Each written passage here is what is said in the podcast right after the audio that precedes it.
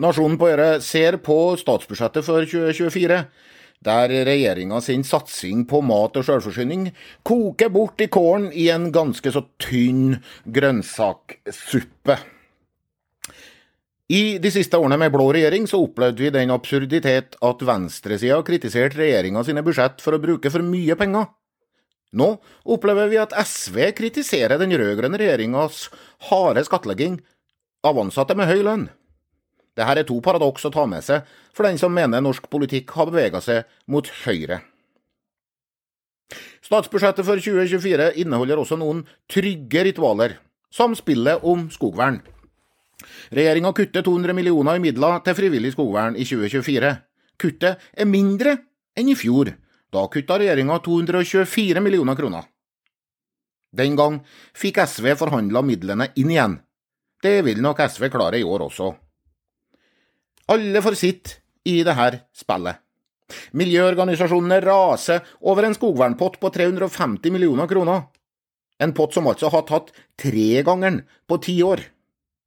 Deretter skal SV få en forhandlingsseier, hvorpå både regjeringa og Skogeierforbundet sier seg godt fornøyd med et godt budsjett som er blitt enda bedre. Men skogvernet går opp, går sjølforsyninga av mat ned, også under denne regjeringa. Og det kan det fortsette å gjøre i enda et halvår. Den varsla tollskjerpelsen på mat, i form av overgang fra kronetoll til prosenttoll og dermed høyere toll, den blir ikke innfridd. Eller, den blir nesten ikke innfridd. I dag koster det 16 kroner og 31 øre å importere et kilo isbergsalat til Norge. Det har det gjort i tiår. Kronetollen på knollselleri og rødbeter, har du kontroll på den? Nei. Den er 2,61 kroner kiloen.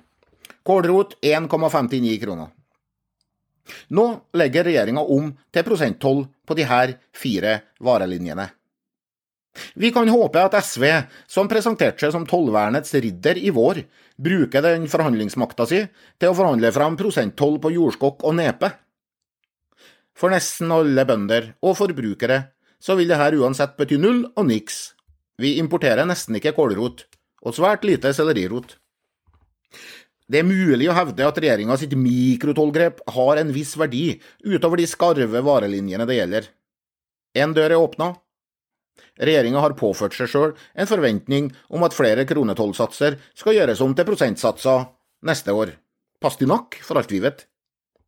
I sum ligner 2024-budsjettet likevel på enda en utsettelse av Hurdalsplattformen og SV-forlikenes fagre løfter.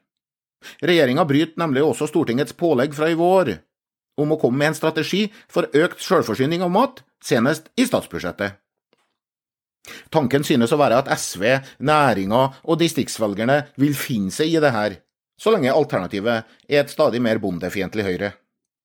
Det kan like gjerne være slik at regjeringas stadige utsettelser av egne løfter jekker lista enda høyere til våren, både ved forhandlingsbordet med bøndene og på Stortinget. Nasjonen på Øre ønsker en fortsatt riktig god budsjettdag.